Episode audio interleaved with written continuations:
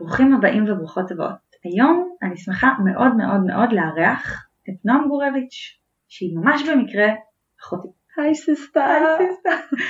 ונועם פה לא כי היא אחותי למרות שזה תמיד כיף אה, לחפור, היא פה כי יש לה קריירה סופר מעניינת וסופר מגוונת בעולם האופנה, היום היא עורכת תוכן בפקטורי 54, אבל היא הספיקה בדרך גם להיות עורכת אופנה במגזין ראש אחד, שעוד היה קיים למי שלא מכיר, לעבור למילאנו, ללמוד באחד בתי הספר הכי נחשבים לאופנה בעולם, וכל זה כשהיא התחילה די מאפס ובלי שום רקע בתחום, בלי לעשות תואר, ובלי שום סימנים מקדימים למה שהולכת להיות אחת הקריירות היותר מעניינות שפגשתי. אז פתיח uh, ומתחילים. היי, אני תום.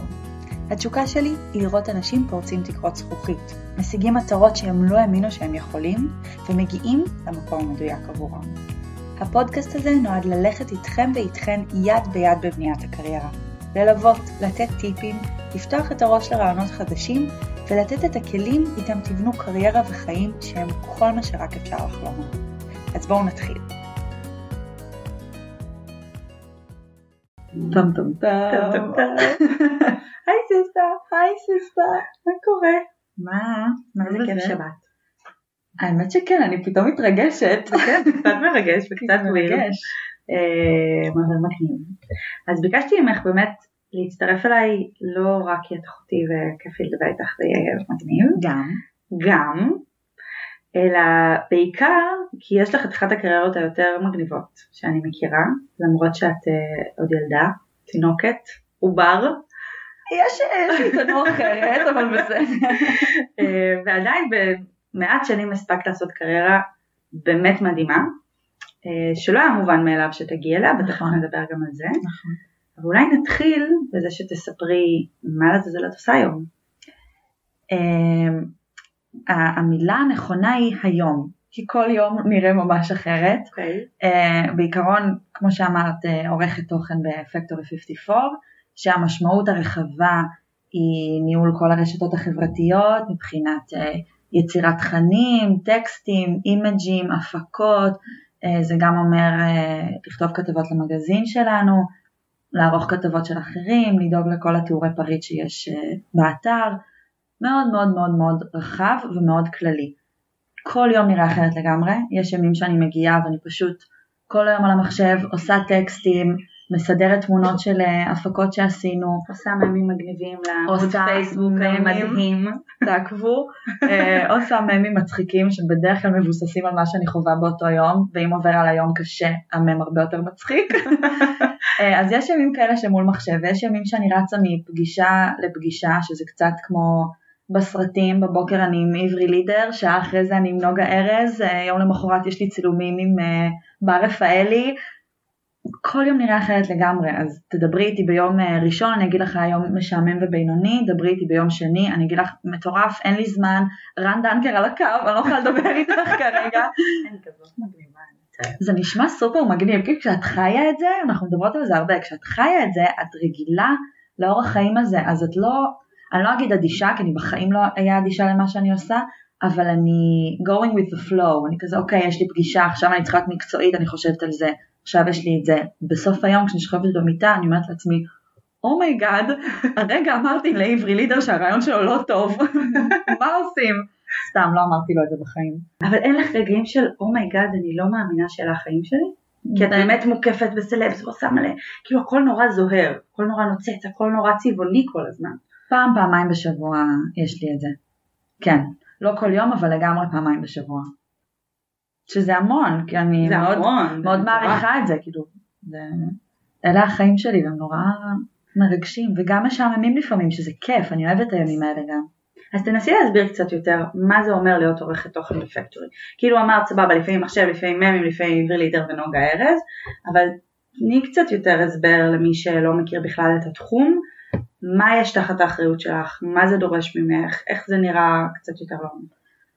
בראש ובראשונה זה הרשתות החברתיות, שזה הפייסבוק שלנו שהוא כללי, זה עמוד אינסטגרם ראשי, עמוד אינסטגרם של הילדים, בקרוב נפתח גם עמוד אינסטגרם לגברים, זה גם הטוויטר שלנו וערוץ יוטיוב.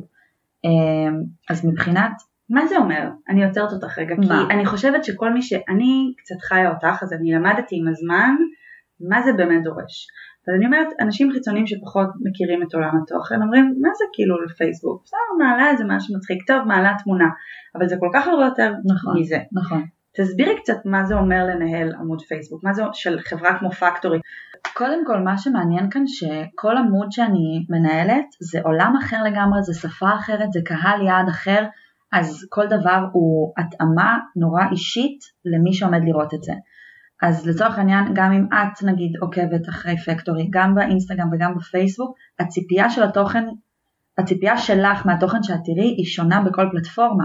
באינסטגרם את תצפי לראות משהו יותר אסתטי מתוך הפקה למשל שצילמנו לפני שבוע בדן אקדיה, ובפייסבוק את תרצי לראות איזשהו מם מצחיק או אולי משהו שהוא יותר אה, מכירתי של איזה image יפה פשוט של חולצה על רקע לבן בואי תקני ובאינסטגרם את יותר צריכה את ההשראה הזאת אז כן יש את, ה, את המשחק הזה אז זה גם מבחינת המחשבה על מה התוכן שיש כמובן מאחורי כל תמונה כזאת יש יום הפקה שלם וצלם וסטייליסט ועורכת וידאו והכל מתנקז לתוך קונספט מסוים שאנחנו רוצים להציג ברשתות. ואיך ניגשים לזה? איך נגיד בונים את הקונספט? איך מבינים מה השפה ומה רוצים שיש שם? כי בסוף מאחורי כל מם כזה ומאחורי כל תמונה ספציפית שבחרת יש המון אסטרטגיה. אסטרטגיה וסוללה של אנשים שחושבים על זה.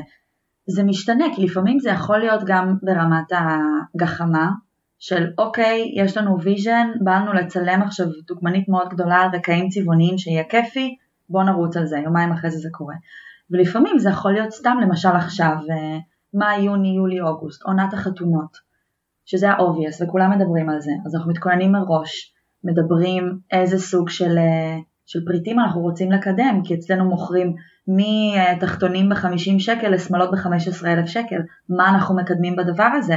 מתוך זה אנחנו מרימים יום צילום, אחד, שניים, שלושה, וידאו, גם הממים אולי יהיו בהתאם, הטקסטים תמיד יהיו בהתאם, הדבר הזה מתנקז גם לקמפיינים דיגיטליים, שאני לא בונה אותם אבל אני כן עושה את הטקסט שלהם ואני כן עוזרת מבחינת הוויזואל כי הוא תמיד מתכתב גם עם מה שברשתות, כדי שלך בתור עוקבת תהיה חוויה של 360, את רואה אותנו באינסטגרם, את רואה בפייסבוק, קופצת לך מודעה, את רואה את זה גם בחנות, אותה דוגמנית שהצטלמה גם מעלה את זה פתאום אצלה, אז אנחנו תוקפים אותך מכל מקום, אין לך לאן לברוח, אין לאן לברוח, אין לך לאן את לא לברוח, מסתובבת פקטורי. בדיוק. אמ, אבל אולי תנסי אז לזקק מה החלק שלך בכל זה, כי באמת נגיד יש סוללה של אנשים, אנשי קריאייטיב, צלמים, מפיקים אה, של, של הימי צילום האלה, ונגיד אם יש אה, מישהו או מישהי שאומרים לעצמם, אוקיי, אולי עולם התוכן יכול לעניין אותי, מה החלק שלך בתוך האסטרטגיה, בתוך היום יום הזה?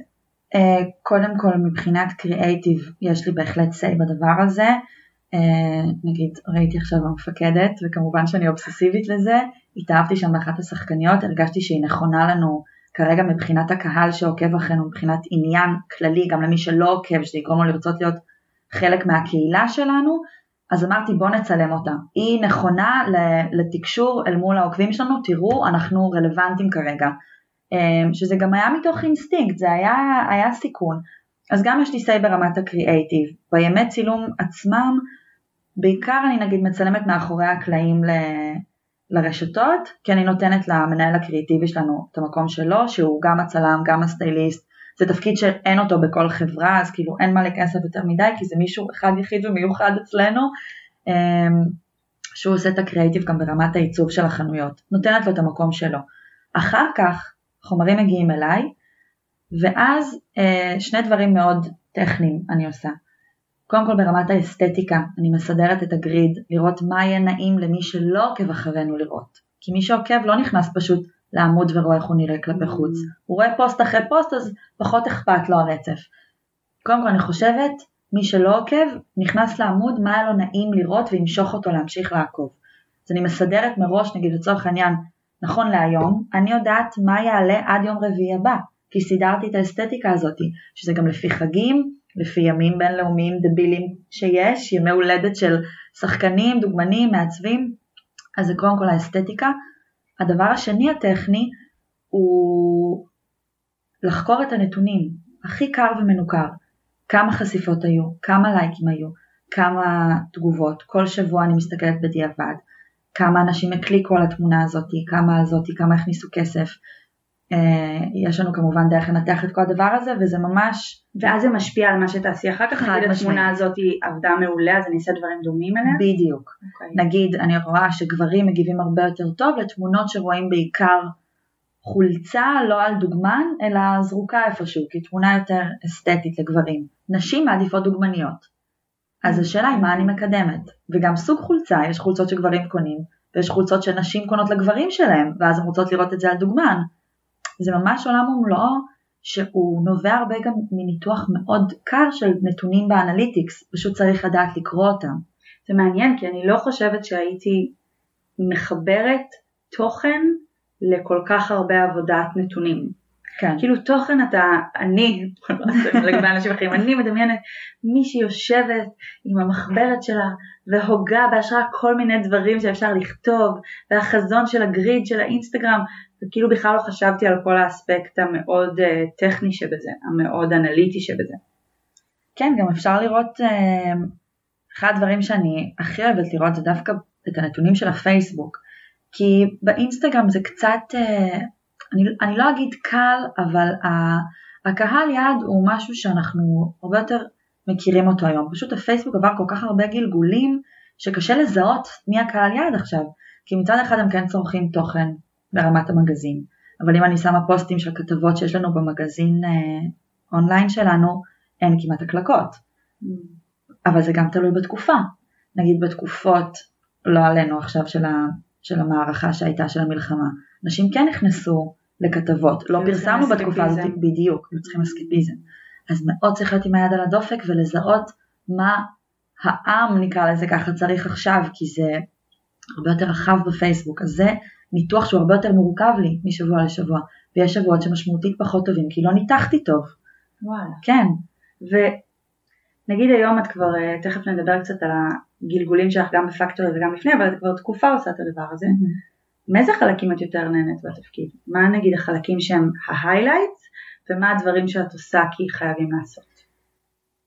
התשובה שלי זה קצת ה-obvious, ה highlights זה, זה הימי צילום, זה הפגישות הנוצצות האלה עם אנשים שאני נורא אוהבת ומעריכה אותם מקצועית, סלבס, אה, זמרים, דוגמנים, יש בזה משהו שלפעמים אני מסתכלת, תופסת את הראש ואני אומרת, זה כמו בסרטים הדבר הזה, במיוחד מהמקום שאני יושבת בפגישה עם מישהו מאוד חשוב, זה גם יכול להיות ברמת הבמאי מפיק שאני מאוד מעריכה, ויש לי say בפגישה הזאת. Mm. ואלה הדברים שמרגשים אותי נורא. אז זה שיש לך say זה מגניב, לא רק זה שהוא שם וזה מגניב וסלב. כן, okay. אוקיי. שאנחנו יושבים בפגישה ואני מציגה את עצמי ויש את השקט הזה לרגע, שעד שאני מסיימת להציג את עצמי, ואז אני אומרת מי שמני שיקשיבו לי עד סוף המשפט, כאילו ויש לך רגעים כאלה של אה, תסמונת המתחזה של כאילו מי אני שאני המון. אגיד עכשיו לבן אדם הזה מה לעשות? המון, המון, המון.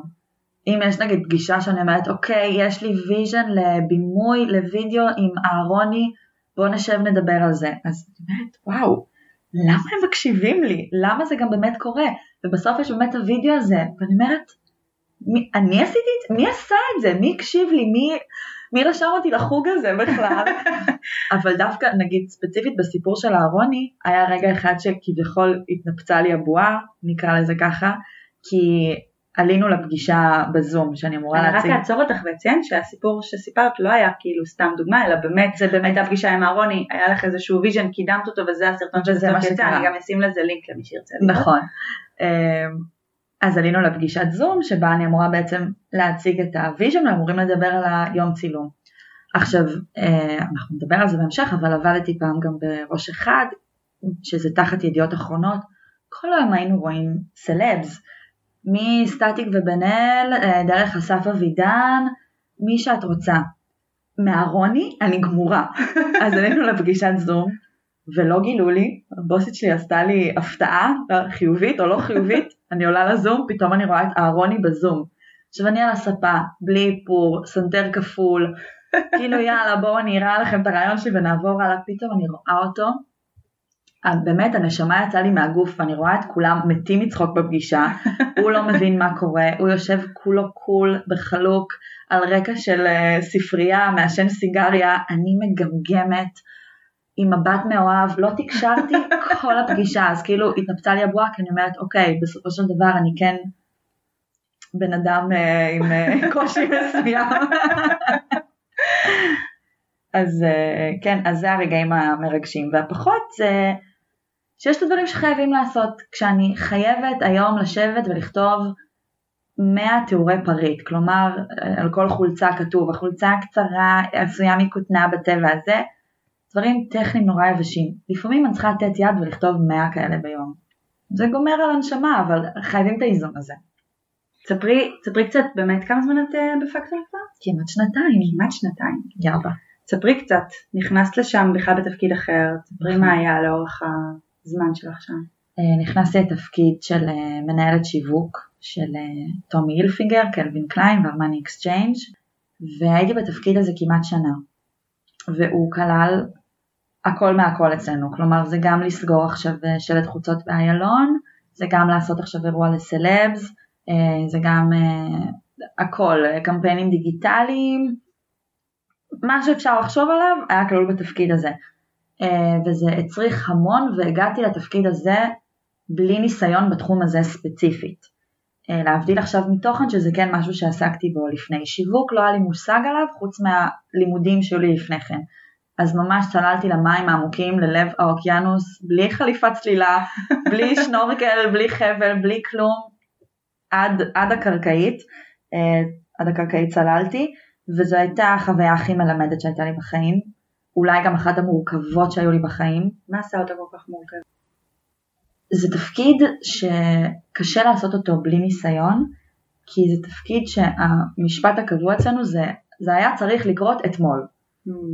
וזה משפט שנורא קשה להפנים אותו בהתחלה, ומצד אחד אתה נורא רוצה להוכיח את עצמך ולעשות כמה שיותר, מצד שני אתה רוצה לעשות את זה רגע כמו שצריך.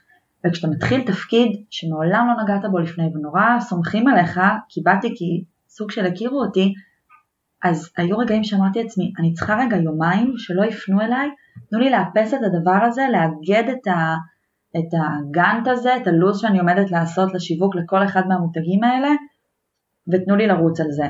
Uh, עכשיו, בדיעבד מסתבר שעשיתי אחלה של עבודה.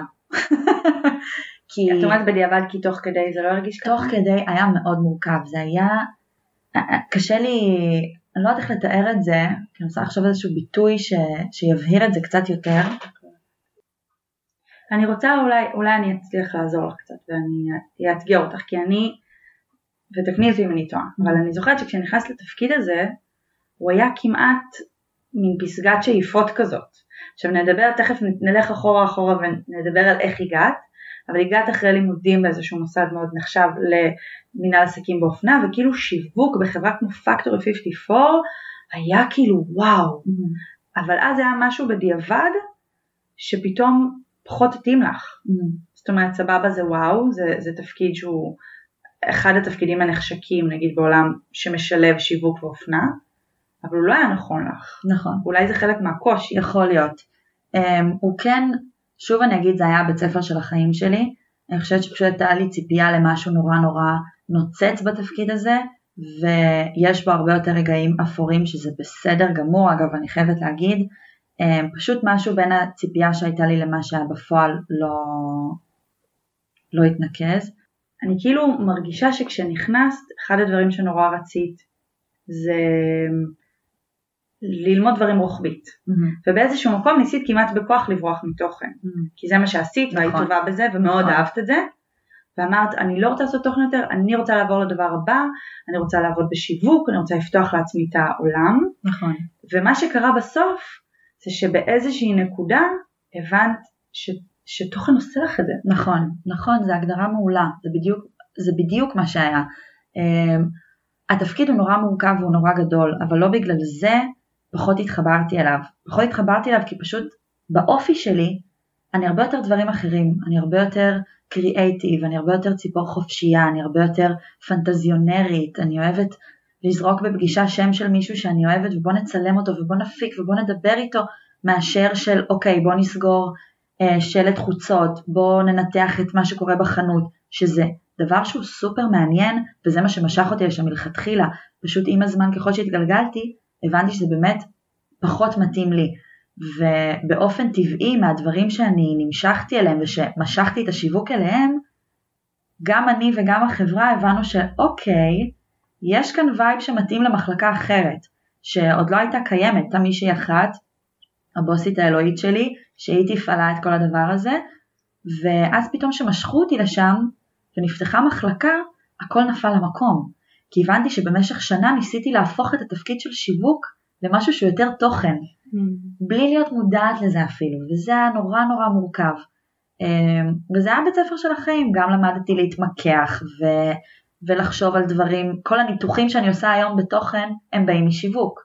זה לא דברים שבאופן אינטואיטיבי כמו שאמרת היו, הייתי עושה אותם, פשוט למדתי לנתח כל פיפס שאני עושה ברמת התאריכים, הכספים, הזרימה לחנות, שפשוט הבאתי את זה עכשיו לעולם התוכן ואני חושבת שזה אחד הכוחות שלי עכשיו בתוכן, שאני יודעת להגיד מה עובד ומה לא, גם לפי תגובות שחור על גבי לבן של הלקוחות. מה מדהים? יש שני דברים כאילו סופר מעניינים ומעוררי מחשבה בעיניי בדבר הזה. אחד, זה הנטייה שלנו לחפש דברים מתוך מקום של מה נוצץ, מה נשמע טוב, מה נראה לנו על הנייר שמתאים לנו, תוך התעלמות בדברים שאנחנו בתוך תוכנו יודעים שנכונים לנו. נכון. אנחנו מכירים את עצמנו, את הכרת את עצמך בשלב הזה, את ידעת במה את טובה, אבל כאילו היה לך איזשהו דחף ללכת למקום מאוד שונה ובאמת זה לא עבד, אבל זה לאו דווקא רע. זאת אומרת פתחת את הראש, ניסית, הבנת שזה פחות בשבילך, אבל א', חזרת לשיווק הרבה יותר, של... סליחה, לתוכן, כן. הרבה יותר שלמה, נכון. כי אמרת אוקיי ניסיתי, אני לא סתם נתקעת באזור הנוחות שלי, אני לא מוותרת לעצמי כי אני מפחדת לעשות דברים אחרים, נכון. אלא אני פה כי זאת התשוקה שלי, וב' חזרת עם שק כלים הרבה הרבה יותר רחב ומגוון, לגמרי. משהיה לך אם פשוט היית ממשיכה בתוכן. לגמרי. אז זה מגניב כי כאילו, אנחנו עושים טעויות בקריירה לפעמים, כן. אבל זה לאו דווקא רע, כאילו הרבה פעמים כן. הטעויות האלה הן נורא חיוביות, הן עושות משהו נורא נורא נורא טוב למסלול נכון. שלנו. אני גם רוצה לחדד מילה מסוימת, זה לא, זה בשום שלב לא הרגיש לי כמו טעות, mm. כי אני בערך מהשבוע הראשון הבנתי שזה לא בדיוק בשבילי, ומשהו לא נתן לי לשחרר מהמקום הזה, כאילו הרגשתי שהפלטפורמה הזאת, שהחברה הזאת היא נכונה לי. ההזדמנויות שנוצרות ממנה, הקשרים, ההוואי, החברה, מבחינה כאילו חברתית, לא קמפני, כל הדברים האלה כן היו נכונים לי ומשהו כל הזמן משך אותי. בדיעבד עשיתי אחלה של עבודה, פשוט לא התרגשתי וקמתי כל בוקר אדישה ועשיתי בדיוק מה שהייתי צריכה לעשות ובשום שלב לא ויתרתי לעצמי ואני ממש כל יום נלחמתי על עצמי מחדש וזאת העבודה הכי טובה שאני יכולה לעשות ולא התרגשתי ואני כבן אדם חייבת את הריגוש הזה. אני אוהבת לקום בבוקר ולהגיד בא לי ללכת היום לעבודה. אנחנו רוב היום בעבודה, אז גם החברה, החברים, זה משהו שהוא נורא חשוב לי, ומן הסתם התפקיד עצמו. אני נגיד בשישי עכשיו בבוקר מתכתבת קצת על דברים של עבודה, ואין לי בעיה עם זה, כי אני אוהבת את זה, וזה בסדר, וזה פשוט חלק ממי שאני העבודה. והרגשתי שבשנה הראשונה בתפקיד של השיווק, זה לא היה חלק ממי שאני. ומה שבא לידי ביטוי בתקופה הזאת זה זה שאני טובה בתור עובדת, במונח הכי קר שיש, אני אחלה של עובדת. שזה אגב עוד נקודה ממש חשובה בעיניי, כי לפעמים כשלא טוב לנו, אז אנחנו שוקעים, אנחנו משתבללים בתוך עצמנו, נכון. ויש משהו ביכולת הזאת להגיד, אני לא בטוחה שזה המקום בשבילי, אני לא עפה פה באוויר, אבל אני הולכת לעשות את העבודה הכי טובה שאני יכולה בכאן ועכשיו עד שאני אחליט אם אני פה או לא, שזה מה שבסוף פתח לך את הדלת. נכון. כי היית עובדת טובה, והיית בחברה שהצליחה לזהות את הפוטנציאל שלך ולהגיד, הפוטנציאל שלה המדהים היא לא בדיוק במקום הנכון, וטק להעביר אותך למקום המושלם בשבילך. נכון. וזה לא היה קורה אם לא היית עובדת קשה בדרך ומוכיחה את עצמך. שזה אגב המון המון נקודות זכות להורים שלנו, ומזכירות שאנחנו אחיות, שהם באמת מגיל אפס, אחד המשפטים שמבחינתי הכי מזוהה איתם, זה שהם אמרו, תהיו מה שאתם רוצים, תהיו מורים, תהיו אה, מנקים ברחובות, תהיו קופאים בסופר, תהיו מנכ"לים, זה לא אכפת לנו, אבל תהיו הכי טובים שאתם יכולים להיות, ותיתנו את כל כולכם, וזה תמיד מה שהם אמרו. והמלחמה היומיומית הזאת שהייתה ללהיות העובדת הכי טובה שאני יכולה להיות, נתנה לי כלים שבשום סיטואציה אחרת לא הייתי מקבלת. כבן אדם וגם מקצועית. וזה מלחמות ששווה לעשות לפעמים, ועם כמה שהרגשתי שזה לא המקום הנכון, השורה התחתונה היא שבאינסטינקט, האינסטינקט שלי אמר לי אל תלכי עדיין, mm. למרות שלא היה לי טוב, ויש לך עוד מה לקחת פה. בדיוק. אז אני, אני אנצל את ההקשבתי לאינסטינקט הזה, כי נראה לי שזה, שזאת נקודה טובה לחזור אחורה, כי זה. מאוד מייצג את תחילת הדרך שלך. נכון. אז בואי נלך רגע חזרה, ואז גם אחרי שפרגנו להורים נשחיר אותם קצת, ונדבר על מה היה לפני שהתחלת בכלל לעבוד. אה, כי זה לא שתמיד היה לך vision לדבר הזה, והיית נכון. ממוקדת מטרה. ממש לא. את יצאת מהצבא, ופחות. יצאתי מהצבא לתוך תקופה שלימים קראנו לה תקופת האלכסון, כי במשך אה, חמישה חודשים, מהבוקר עד הערב, ישבתי באלכסון על הספה בסלון, ולא עשיתי כלום. ראיתי טלוויזיה, אכלתי פופקורן, לא עשיתי כלום. במשך חמישה חודשים יצאתי מהבית פיזית אולי עשר פעמים, כזה.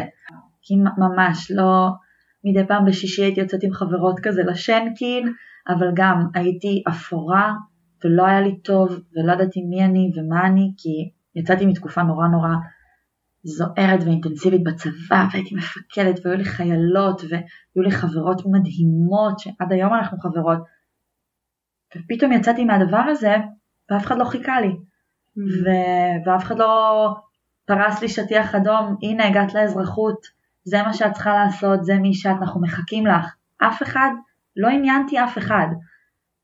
מה שאני זוכרת את עצמי גם רקדתי, שזה הכי מקום של להילחם על השורה הראשונה באמצע לרקוד, אז תמיד מקבל ביקורת ותמיד אתה, אחרי עבודה קשה בסוף אתה על, ה, על הבמה מופיע ומקבל סופרלטיבים והכל זה כזה תן וקח. פתאום אני יוצאת מה, מהצבא, פעם ראשונה בחיים.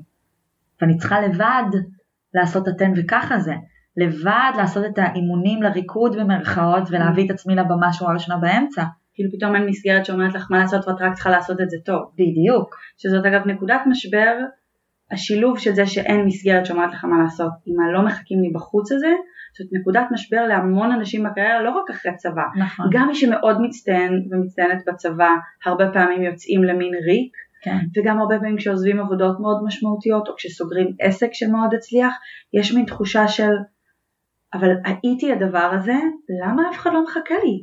איך זה יכול להיות? מה זה? בדיוק. איפה איך, הם? איך זה יכול להיות? איך אני לא יושבת בבית והודפת הצעות והודפת טלפונים? איך אנה ווינטור בעצמה? למרות שאז לא ידעתי אפילו להגיד את השם הזה. כן.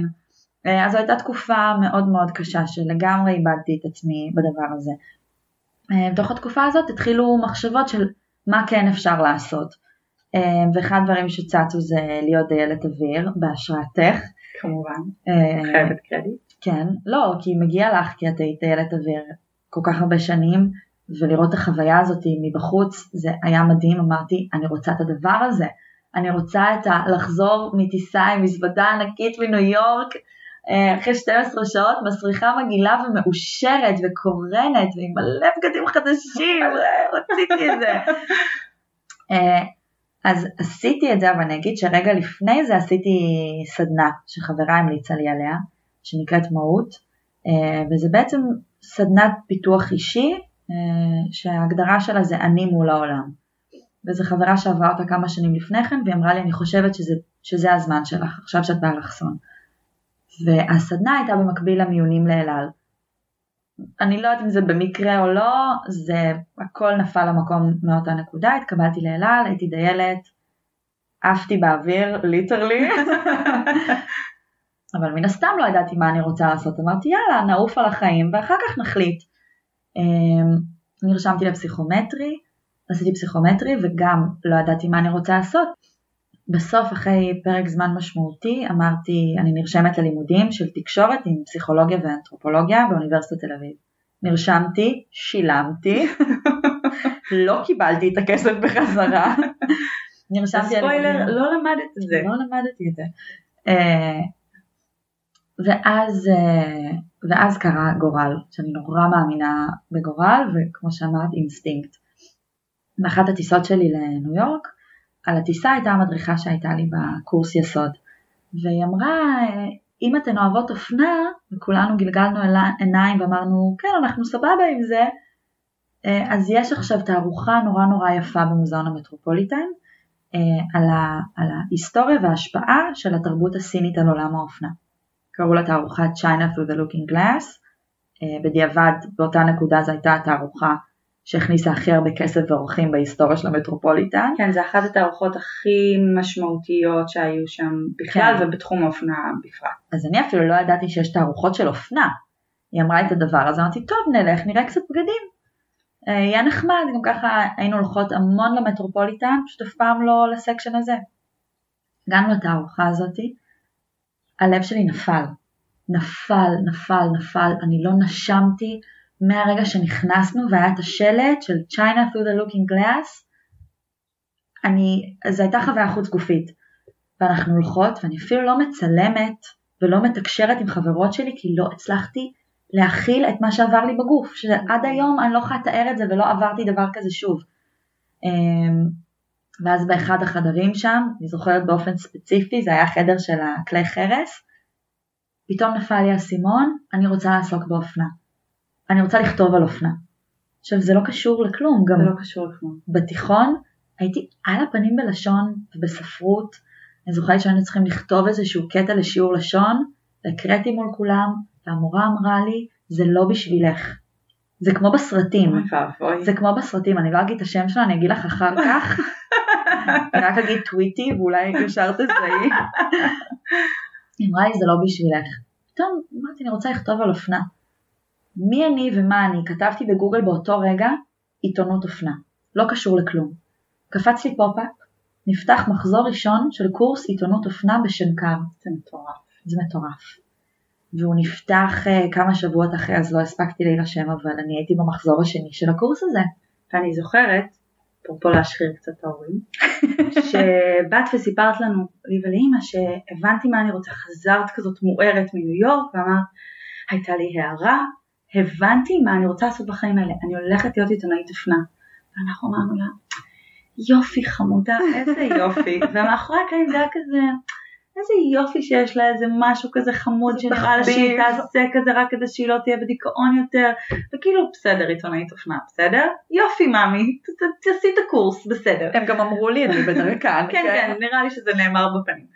פשוט זה לא כי זה לא היה קשור לכלום לא נכון. התעניינת באופנה לפני אפילו לא התעניינת בבגדים במיוחד חוץ נכון. מלגנוב לי אותם מהארון נכון לבשתי נורא לא היה לך, זה לא היה בקלפים עד אותה נקודה, לא היו לזה רמזים מתרימים, ואז באת עם הקריירה בעיתונות אופנה, וזה באמת, זה היה מנותק.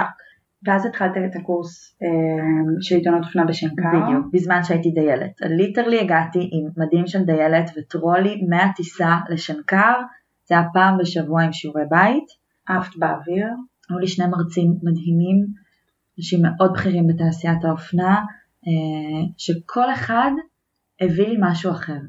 אה, הראשון הכיר לי תשוקה לאופנה ואהבה להיסטוריה של הדבר הזה וההבהרה הזאת שאופנה זה לא בגדים, mm. אופנה זה האופן שאתה מציג את עצמך לעולם וכל המשמעויות מאחורי זה והתרבויות שמאחורי זה וכל ה...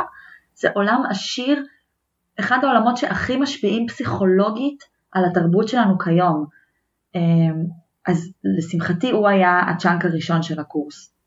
ה chunk השני הייתה מרצה אנרגטית, מהממת, מפוצצת בסטייל, הכי מצחיקה, הכי שנונה, הכי מהממת, והיא לימדה אותי מקצועית יותר, לכתוב טכנית דברים, לעוף על החיים, אה, טרנדים, דברים שהם כביכול יותר אה, שטחיים במרכאות, אבל החיבור בין השניים היה מושלם.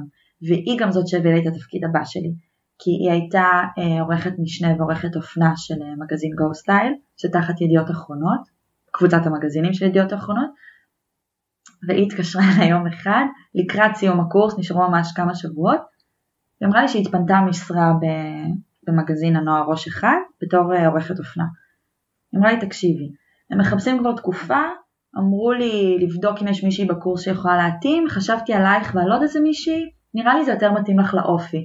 דווקא החיבור הזה של אופנה ונוער, כי כן יש לך את המקום הזה של המיינסטרים, של הג'סטין ביבר, אריאנה גרנדה, כל השטויות האלה. אה, אז זה בסדר אם תגידי שזה גדול עלייך, כי זה תפקיד מאוד גדול, אבל אני אומרת תנסי, מה אכפת לך? לדעתי לקח לי איזה ארבע דקות להוציא מילה מהפה, ארבע דקות של שקט מוחלט בשיחה, שפשוט ניסיתי לאבד, היה לי במוח כזה אלרט, אלרט, איך מגיבים לדבר הזה, ואמרתי לה יאללה, בוא נשלח קורות חיים. עכשיו איזה קורות חיים יש לי, מי אני, מה אני? אה, מכרתי לאנשים מאפה בגיל 18 אז הפכתי את זה לאחמ"שית בבית קפה ברעננה, אין לי באמת ניסיון. והרבה פעמים אתה צריך אומץ, שכל והמון מזל ליפול על האנשים הנכונים. אבל אני חייבת להגיד שזה לא היה רק מזל, כי אם אנחנו חוזרות רגע ומחברות את זה לעבודה הקשה שלך בשנה הראשונה בפקטורי, אפילו שלא היית במקום מושלם, גם בקורס הזה, לקחת אותו ברצינות תהומית. נכון. התייחסת לזה כאילו זה דוקטורט בהרווארד. נכון, נכון, נכון. וזה גרם לך להתבלט על השער, ולא סתם היא שמה לב אלייך. כן. היא שמה לב אלייך כי היית טובה. ולא סתם היית טובה, היית טובה כי השקעת הנשמה שלך למרות שזה היה קורס, זה לא נכון. היה תואר. נכון. אז זה לא רק מזל, זה ההשקעה הזאת, זה הלהיות all in הזה, זה לקחת את מה שעושים ברצינות, מתוך הבנה שאם כבר עושים משהו, אז עדיף לעשות אותו כמו שצריך, נכון. מקסימום יצא מזה משהו. לקחתי את זה מאוד רציני, מאוד מאוד מאוד, אמ, ואחרי השיחת טלפון שהייתה לנו, רצתי להורים שישבו על הגג, חמודים כאלה, על הספות, וסיפרתי להם. נורא, בהתרגשות נורא גדולה ובחוסר הבנה של הסיטואציה. והם נורא שמחו בשבילי ונורא התרגשו ואמרו, איזו הזדמנות מדהימה, סליחה על ההשחרה, עכשיו אני אומרת רגע במאמר מוסגר, סליחה על ההשחרה, הם אמרו לי זה מדהים, את לא תתקבלי אבל איזו הזדמנות מהממת, תתנסי לפחות ואיזה כיף שרצו אותך.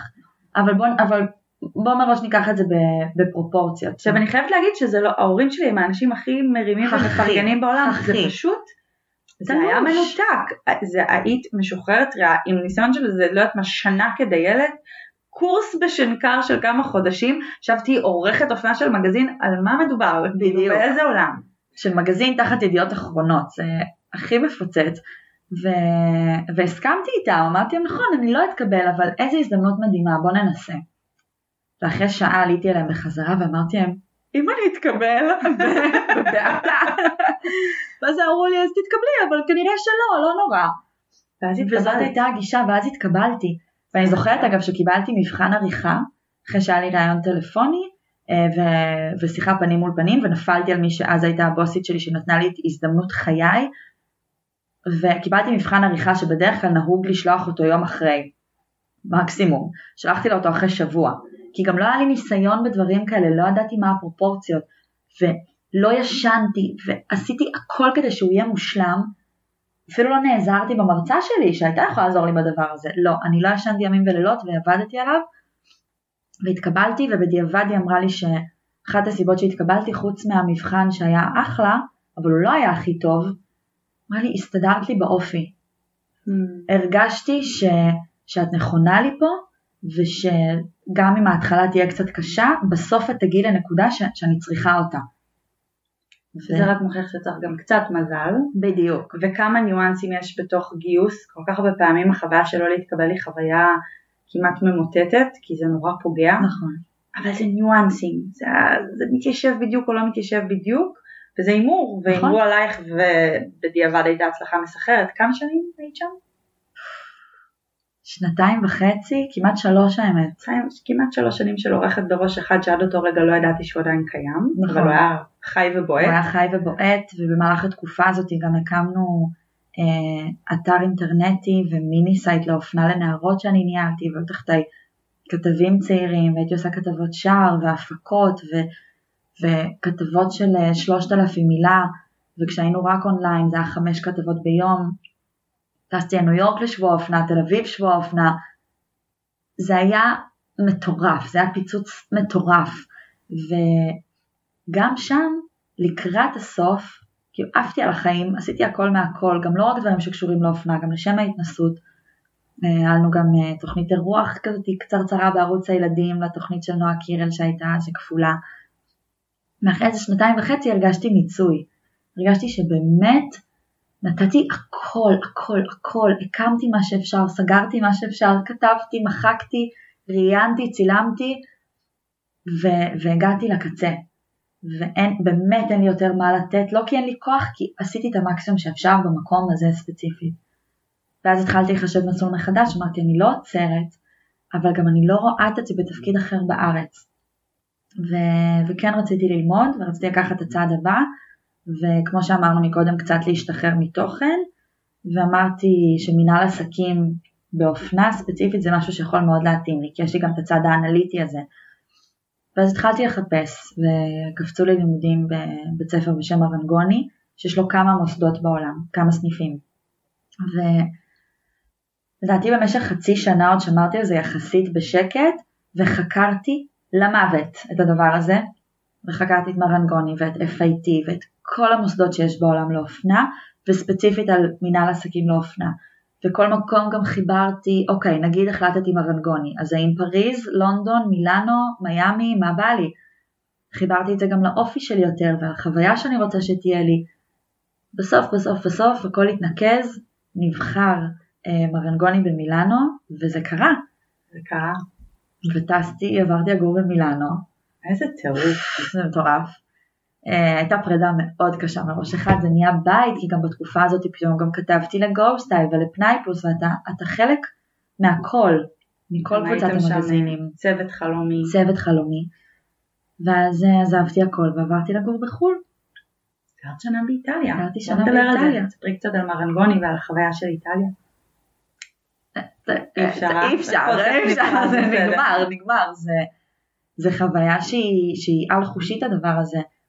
כי אתה עובר הכל, זה רכבת הרים מטורפת, טלטלה רגשית הכי מטלטלת שהייתה לי בחיים, כי אמנם תקופת האלכסון שדיברנו עליה מקודם הייתה קשה כי הייתי על גבול הדיכאון, אבל הייתה סטטית. Mm. על כן המילה אלכסון בשפה, הייתי במצב סטטי. ובמילאנו היה הכל מהכל, היה עושר עילאי ובדידות תהומית והצלחה מסחררת וכישלונות מפוארים, אבל איכשהו הכל היה עם חיוך ו- ואהבה. זה היה לימודים מאוד אינטנסיביים, מאוד מעניינים. מהרגע הראשון שנכנסתי, נשמטה לי הלסת והייתי מרותקת להכל וספגתי כמה שיותר מידע ושאלתי מלא שאלות בשיעור והשתתפתי, הייתי התלמידה הכי חנונית בפער, ממש בפער. אה, וזה היה מדהים, ויצרתי שם חברויות שעד היום נשארו איתי, בנות משוודיה וטורקיה וארצות הברית ו... וטיוואן, שכולנו עדיין בקשר, ו... ואתם באתם לבקר אותי וחברות באו לבקר אותי, אבל בתוך כל הדבר הזה למדתי מאוד מאוד מאוד קשה, ועבדתי גם בשעת רחוק, המשכתי, אז הייתי בימים לומדת ובלילות עובדת, כי לא רציתי לוותר, על... רציתי שכל הזמן הגלגלים ינועו. רציתי שכשאני אגיע לארץ עדיין יזכרו אותי מה, מהתפקיד שלי ומהתוכן שאני יוצרת ושאני אכיר כמה שיותר אנשים. אז עבדתי אה, באתר אופנה של צלם ישראלי מאוד מפורסם והייתי שם עורכת אופנה וביוטי וכתבתי לו וקצת עזרתי לו גם עם הרשתות החברתיות בהתחלה וכתבתי גם לעוד כל מיני מגזינים וכל הזמן המשכתי להיות בתנועה. כל רגע שהיה לי כתבתי, בעברית, באנגלית, מה שנתנו לי היה. וזה גם באמת... לבלוג של מרנגוני? גם לבלוג של מרנגוני כתבתי, נכון, אה, לבלוג הישראלי, וזה היה נורא מצחיק, באמת. נכתבו שם דברים מצחיקים, מוזמנים אה, להיכנס. נשים לינקים גם. נשים לינקים על זה, סתם. אה, אז, אז המכלול הזה של עבודה ולימודים, הוא היה מדהים, הייתי באקסטזה. כי הייתי כל היום לומדת, עובדת, ואז בסופש קופצת לאגם קומו לכמה שעות, לשתות יין על שפת האגם, חוזרת הביתה, לומדת על איך לבחור אם לקנות חברה או לא, ולנתח אותה שנים קדימה. זה היה דיסוננס מדהים. ואז חזרת, והצטרפת, חזרת בעצם קצת בעל כורכך. חזרתי בעל כורכי, כן. אמ, בפנטזיה שלי הדרכון האירופאי היה אמור להגיע בזמן, והייתי אמורה להישאר שם ולעבוד שם, ובאמת עבדתי נורא קשה ליצור קשרים טובים עם המורים שלי, כדי שיקדמו אותי שם. אה, ובסוף בעיקר אה, מפאת קשיים טכניים ולוגיסטיים הייתי צריכה לחזור לארץ. בדיעבד זה בדיוק מה שהייתי צריכה לעשות אבל אני עוד אחזור, לא לדאוג. עכשיו אה, אני הודעתי לאנשים שאני חוזרת, קודם כל הודעתי לאנשים מהתעשייה לפני שהודעתי לחברות שלי. הודעתי לכל מיני אורחות שעבדתי איתן בידיעות אחרונות, אורחות אופנה, לפני שהודעתי לחברות הכי טובות כדי שלי. כדי לפתוח את הדלתות? כדי לפתוח את הדלתות. כדי שכשאני אגיע לארץ יהיה לי עם מי לדבר. כי אני לא ראיתי את עצמי מגיעה לארץ ואז עוד כמה שבועות בחופש.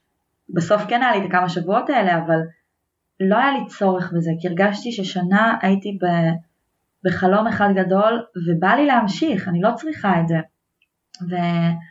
ואחת מהן אה, באמת קישרה אותי לפקטורי, ועוד כשהייתי במילאנו התקשרו אליי ממשאבי אנוש, היי, שמענו שאת גרה בחו"ל, מתי את חוזרת? בואי, כשאת חוזרת. והגעתי והייתה שיחה מאוד פתוחה, זה לא היה לתפקיד ספציפי, בגלל שהגעתי ממישהי שמכירה אותי ומכירה אותם, זה היה יותר ממקום של בוא נבין מי את ומה את, ותבחרי תפקיד, נגיד לך מה פתוח, שזו סיטואציה שהיא מאוד חריגה, כן? כן. אמ, אבל שוב, חשוב לי באמת, חשוב לי לציין את זה כי אני אומרת מה יכול לקחת בן אדם חיצוני מהדבר הזה. היא סיטואציה חריגה אבל היא לא חריגה כי את בן אדם עם המון קשרים באופן טבעי, כי גדלת בבית עשיר או כי המשפחה שלך מקושרת, את יצרת את הקשרים האלה לאורך השנות עבודה שלך בעבודה קשה. נכון. רק ככה הם נוצרו. נכון. האורחות שהיית בקשר איתם, כל החיבורים האלה לפקטורי, זה אנשים שהכירו אותך נכון. כי קראת את התחת שלך, כן. כי עבדת קשה, כי נתת נשמה, כי איפה שהיו צריכים אותך היית, כי דאגת לקחת דברים ולקחת סיכונים ולהיות מעורבת ומאוד engaged נכון, וזה בנת הקשרים. נכון. וזה נורא משמעותי כי אני חושבת שאחד הדברים בעיניי הכי מעוררי השראה אבל גם נגישים בקריירה שלך זה שמצד אחד את עושה דברים סופר מגניבים אבל הנקודת פתיחה היא לא הייתה חריגה בשום צורה. נכון. זה לא נבנה מגיל אפס, זה לא עם איזה home base כזה של משפחה מעורה בעולם האופנה, זה פשוט היה ניצוץ, השראה ואחריו המון קשה. עבודה קשה נכון, כל נכון. הזמן. נכון. וזה נורא משמעותי לשים לב לדבר הזה. נכון, ואני חייבת להגיד שזה, כן, זו הייתה עבודה מאוד מאוד קשה, ובתחילת דרכי הייתי ילדה בת 23 שנשארת במשרד עד 10-10 וחצי כדי להמשיך לכתוב, אבל העבודה הקשה הזאת הייתה גם כי נורא נורא אהבתי מה שאני עושה, גם חינכו אותנו לעבוד קשה וגם מאוד אהבתי את זה, והיום תשאלי אותי מה התחביב שלי, התחביב שלי הוא אופנה, אני מסיימת היום עבודה, אני הולכת להרצאה על אופנה, אני קוראת ספר על אופנה, אני נורא אוהבת את זה. אה, גם לימדתי את עצמי באיזשהו מובן לאהוב את זה, כי מתוך ה- הלימודים והעבודה הקשה והסקרנות הבלתי פוסקת הזאתי, למדתי את כל הרבדים שיש לתחום הזה. אז אם אני לא מתחברת למשהו אחד, אז אני כן מתחברת למשהו אחר ואני ממשיכה לעבוד עליו ולחיות אותו. אז זה מדהים. אז כן, אז הקשרים האלה בסופו של דבר פתחו לי את הדלתות האלה. אה, ו... ונתנו לי שתי אופציות לבחור מתוכן מבחינת תפקיד בפקטורי ובחרתי בתפקיד של השיווק כי הוא הקליק לי נכון באותו רגע. אה, שהוא גם, הוא גם היה נכון, הוא באמת היה נכון. וזה היה מדהים ובסוף אה, שלושה שבועות אחרי שנחתתי לארץ התחלתי את התפקיד.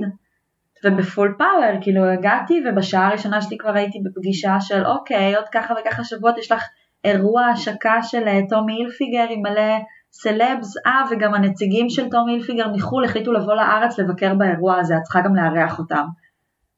חיכו לי עדיין עם אה, רוטב אלפרדו על השפה, עוד לא, עוד לא מאופסת, עוד מפנטזת על הרנצ'יני בנבילי.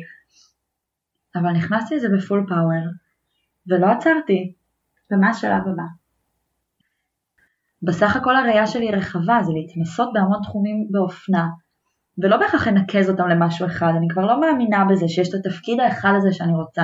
אני רוצה להיות בן אדם עם מלא ידע וניסיון שאני אוכל לבטא אותו בכל מיני דרכים, כי אני חושבת שזה תחום שהוא מדהים פסיכולוגית, חברתית, תרבותית, אפשר לפתח אותו לכל כך הרבה כיוונים, ו- ולשם אני רוצה לקחת את זה, שאנשים יבינו שאופנה זה לא בגדים. ואם יש לך טיפ אחד לתת למישהו או מישהי שמקשיבים ורוצים להיכנס לעולם האופנה, התוכן, השיווק, העולמות שנגעת בהם, טיפ אחד שאת ככה יכולה לזקק. שאלה קשה. בבקשה. קשה מאוד.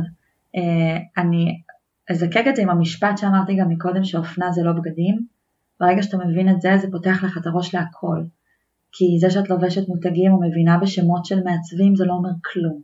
אם את מבינה מאיפה זה נובע, מה היה ההיסטוריה של זה ומה העתיד של זה, זה פותח לך את כל הדלתות שבעולם. והדבר השני שמוביל אותי בחיים זה, זה להיות בן אדם כמה שיותר עשיר, ומעצבת אה, אמריקאית דיין וון פרסטנברג אה, אני צוחקת כי זה פשוט שם שאני כל הזמן אומרת אותו, היא אמרה משפט ששינה לי את החיים כשהייתי בת 16, עוד לפני שידעתי שאני רוצה אופנה, בסוף זה מתנקז לזה שהיא גם מעצבת mm. אופנה. היא אמרה, אף פעם לא ידעתי מה אני ארצה לעשות בחיים, אבל תמיד ידעתי איזה מין אישה אני ארצה להיות, וזה שינה לי את החיים. וזה משפט שכל פעם אני משליכה אותו על תחום אחר, וזה זה. כי כשדיברת, אני רק אמ, אדייק למי שלא הבין, העשיר, בן אדם עשיר, זה לא במובן הכלכלי, אה, זה מבחינת אמ, עולמות תוכן. עולמות תוכן. עושר כן. של, של ידע, של הבנה, של... הצלחה זה ידע, אנשים הכי מצליחים בעולם, ובעולם האופנה, זה אנשים ש, שיש להם ידע בהכל, האנשים הכי בכירים באופנה בעולם למדו בכלל פסיכולוגיה, למדו כלכלה, למדו פילוסופיה, אנתרופולוגיה, למדו את הדברים האלה והביאו אותם לעולם האופנה. כי התוצר הסופי, שזה קצת כמו שאומרים בשטן לובש את פראדה, התוצר הסופי את רואה תמונת שער נורא יפה של אה, בילי אייליש במכוך, שזה מה שיש עכשיו בווג הבריטי, אבל מה שעומד מאחורי זה זה ההשפעה הפסיכולוגית של זה עלייך, כי בילי אייליש מזוהה בתור מישהי שלובשת בגדים משוחררים ולא רוצה לחשוף את הגוף שלה, אז למה פתאום היא חושפת את הגוף שלה? אז זה מעורר שיח, ואז מבינה את הכוח של בגדים, ומה זה מכוך, ומאיפה זה הגיע, ופעם אנחנו היינו במכוך, ופעם מכוך קבל אותנו, והיום זה סמל לשחרור, כי את חושפת את הגוף שלך, ואת בוחרת איך להראות אותו. זה, זה הידע שצריך לדעת, לא זה שהמכוך הוא של ברברי, והוא של ברברי. למען הסר ספק. טוב, קודם כל היה לי נורא כיף. וואי, ממש. איזה כיף שבא. אכלתי לך את הרס. כמו תמיד. כמו תמיד. בואי, רק עכשיו הקלטנו. נכון. אבל בא לי לזקק כמה דברים שאני מרגישה שהם ככה גלובליים לקריירה, כי יש פה המון דברים שהם נקודתיים אולי לאופנה שמעניינים. ואני חושבת שאולי הדברים הכי משמעותיים שאפשר לקחת פה זה א', שלא חייבים להיוולד עם איזה חזון מטורף או הבנה של מה רוצים לעשות. בשביל להתפוצץ ולהגיע למקום המדויק, שזה יכול לקרות ברגע, ואני חושבת שמה שעזר לך להגיע למקום נכון די מהשנייה הראשונה שיצאת לשוק כן. העבודה, זה שזרמתי מהאינסטינקטים שלך, שנתת לרגע של ברק, של חזון, של התרגשות, נתת לו מקום אמיתי, והיה לך את האומץ ללכת אחריו, למרות שכולם אמרו יופי חמודה, יופי אופנה, לא עשיתי את זה בחיים, זה לא היה קשור לכלום, לא ידעת בכלל למה זה מחובר, אבל היה לך ניצוץ, הייתה תשוקה, ועפת עליה בכל הכוח, ואז עבדת מאוד מאוד מאוד קשה בכל נקודה שנפתחה לך. נכון. הלכת באומץ על כל הזדמנות ואמרת מה יכול להיות. קפצת כמה פעמים מעל הפופיק על דברים שהיו גדולים עלייך, mm-hmm. אבל הלכת עליהם, אמרת אני אבוא, אני אעבוד קשה ויהיה בסדר. לא כי את חיה בסרט, כי החלטת לזרום עם ההזדמנות. אז השילוב הזה של להקשיב לבטן כשהיא אומרת שמשהו מרגש, של להיות עם מספיק אומץ לנסות משהו אפילו שהוא לא בהכרח הגיוני, ולעבוד קשה, נראה לי שזה game changer. כן, ולא לעצור. ולא לעצור. לא לעצור. אם אתם עוצרים תקראו ספר בתחום, באמת.